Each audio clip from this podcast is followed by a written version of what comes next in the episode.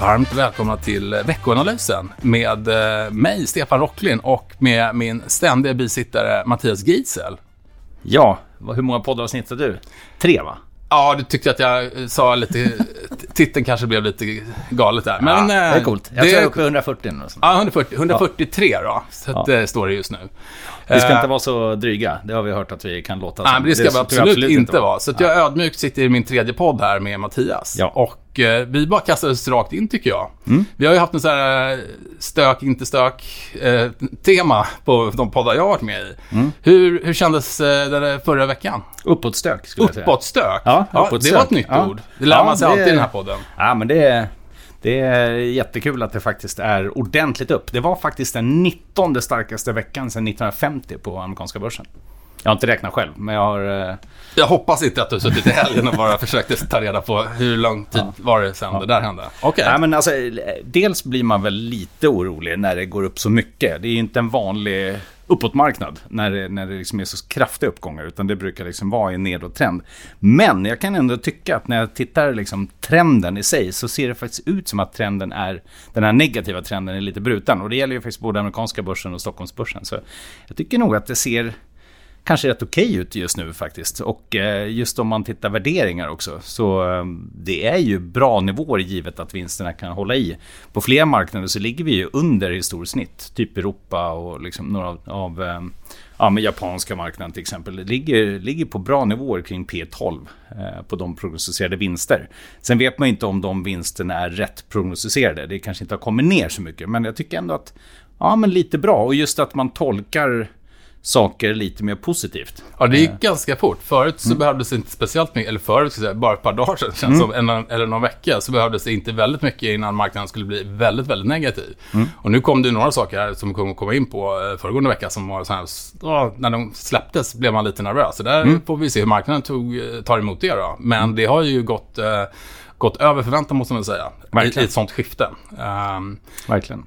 Du var, ja men nu, de flesta har väl, eh, det verkar som, eh, det var, har det varit lite rapporter och sådär, var, eh, som kom förra veckan, så bröt lite mot föregående vecka tänkte jag. Mm. Att det var, såg lite ljusare ut igen. Vi blev lite nervösa när det kom lite under förväntan på några större amerikanska retailjättar. Mm. Ja men överlag så marknaden i USA då, om vi pratar USA igen, var ju ner sju veckor i sträck och oavsett vad som hände så var det ju negativt. Och de här rapporterna som vi bland annat nämnde förra gången, eh, från bland annat Walmart och Target och så här, de var ju ganska dåliga. Men nu kom de andra detaljhandelsrapporterna. Vi nämnde det förra gången att, att de skulle komma och det kom ju bland annat Macy's, Dollar Tree, Nordstrom och Best Buy och de presterade faktiskt bra.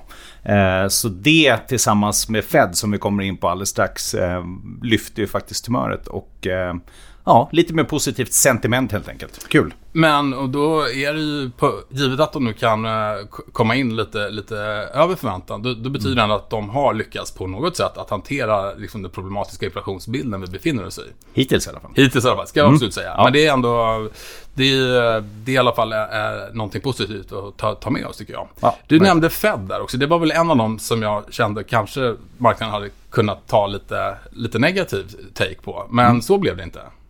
Nej, det, och det trots att det egentligen skulle kunna tolkas negativt. Eh, men eh, nej, faktiskt så de indikerar att de kan höja räntan mer än de räntehöjningar som marknaden egentligen redan har prisat in. Och då ska man ju tänka på att de själva ligger ganska lågt eh, yes. med sina tidigare prognoser.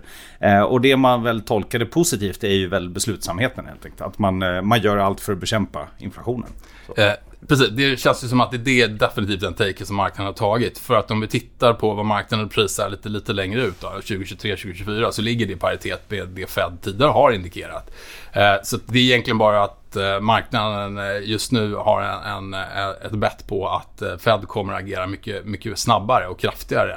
Men inte mer egentligen om vi tar ackumulerat vad, vad styrräntan ska komma upp på någonstans. Mm, eh, nej, men så det, det, får man ju säga. Det var ju verkligen en injection och det var väl det som ja, kickade igång den, den trevliga avslutningen på föregående vecka helt, helt klart. Mm. Ja, men det är väl, eh, alltså om man säger åtstramningen är ju på sikt negativa men de behöver inte vara det i inledningen som det är nu. Eh, och vi har ju fortfarande relativt låga räntor ändå. Eh, så kan marknaden lära sig leva med dem och veta att Fed lite grann eh, kan hantera det. Då, då tror jag att det är liksom, vi kan även få se eh, stigande aktiemarknader. Så ja, det är bra. Men i övrigt då, eh, kommer ju lite mer makro. Eh, vi hade bland annat då eh, tyska IFO-index. Mäter ju då ekonomisk aktivitet, vi brukar ju nämna det. Det är tre delar i det egentligen, både affärsklimatet, nuläget och förväntningar som är komponenterna av, av klimatet kan man säga. Och, eh, samtliga mått kom faktiskt in bättre än förväntat. Så även det är ju någonting som, eh, som är positivt då. Och sen hade vi också för eurozonen då preliminära inköpschefsindex, det vill säga större europeiska ekonomierna och även amerikanska index kom in. Eh, väntades falla, men där var tyvärr fallen lite större än vad de var eh, estimerade. Så att eh, blandade signaler från de här ledande indikatorerna som det är. Så de här siffrorna brukar ju ha en eh, vad ska jag säga, fördröjd effekt på faktiskt eh, tillväxtdata och annat framöver. Då. Men eh, de ligger ju på okej nivåer, men det har varit en, en klart klart fallande trend under den senaste tiden. Yes, men vi, när du säger okej okay, i den här typen av index brukar man ha 50 då som en eh, threshold. Om det är positivt eller negativt. På inköpschefsindex, precis. precis. På IFO-index är det 100 som är... På IFO, som är... Yes, yes. Ni att... tyskar ska alltid vara lite speciella. Ja, exakt. Det måste förtydliga det här. Mm. uh, nej, men annars under veckan, svensk arbetslöshet landade på 8,2 procent. Uh, och det är ju, ja, vi har ju haft rätt hög arbetslöshet. Tittar vi i USA ligger den ju på under 4. Och förvånansvärt med tanke på hur stark ekonomi vi har haft. Men det är ju det här matchningsproblemet vi har. Eh, och det är också det här att vi liksom inte lyckas få utrikesfödda att komma in i arbete. Liksom. Så här har det ju sett ut under ganska många år. Ja. Att vi har en onödigt hög arbetslöshet. Ja, det känns så. För det är ju definitivt brist i väldigt många yrken där ute. Ja. Så att eh, det är helt klart matchning, eh, matchningsproblem vi, vi ser. Mm. Ja, okej. Okay. Och sen så kom det lite avslutades veckan med lite Michigan. Eh, sentimentindex. Ja, precis, det är en sån här konsumentförtroendesiffra då. Och den, eh, ja, den är ju tyvärr sådär. Den fortsätter falla till 58,4. Ja. Eh, och den låg ju då för... Den började egentligen falla redan för ja, det är egentligen två, tre år sedan faktiskt som den mm. toppade på, på 110-115 någonting. Ja. Sen hade vi en topp under föregående år, men även sen dess så... Efter återhämtningar, ja. efter, efter corona. Exakt, säger, men, men den, den är ju på nivåer som vi inte har sett på väldigt, väldigt länge faktiskt, senaste decenniet. Så den, den är ju faktiskt negativ. Men de här mätningarna, de är lite olika och eh, vissa av dem är ganska små där man frågar mm. relativt få personer. Så att man ska inte dra för stora slutsatser av den här. Men, eh, men ja, den fortsätter falla. Okej.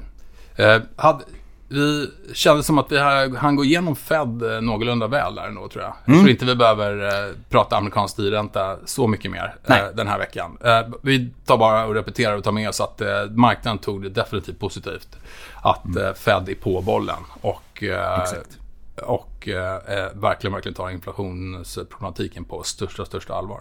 Precis, och, eh, och, bara för att avsluta det och även när man tittar in den här veckan så Rapportsäsongen är ju i princip över nu kan man ju säga. Eh, och eh, inte bara att marknaden godkänner Fed utan faktiskt också att eh, man, man, ser att bolagen verkar ändå, i alla fall i den här rapportsäsongen om man summerar den, kunna hantera inflationstakten. Eh, åtminstone på kort sikt. Så, att, så att vi, vi kan väl egentligen släppa finansiella marknaden där. Eh, ja. För de, eh, ja, det är vad det är just nu. Det finns inte så mycket mer nyheter att gå på.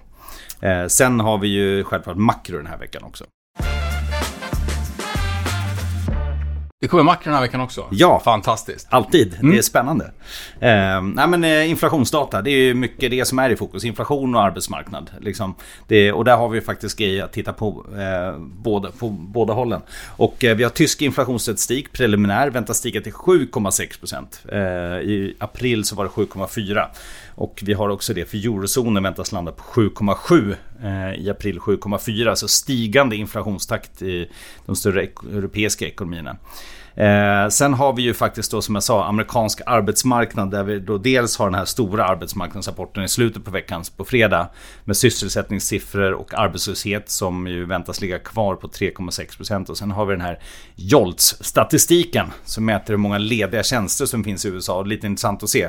Ligger på 11,5 miljoner jobb eh, och då är det ju alltså 6 miljoner människor som är arbetslösa så att det är återigen pratar matchningsproblem. Ja. Det finns lite grann i USA också. Det finns jobb till alla men det, det är inte de rätta jobben. Nej.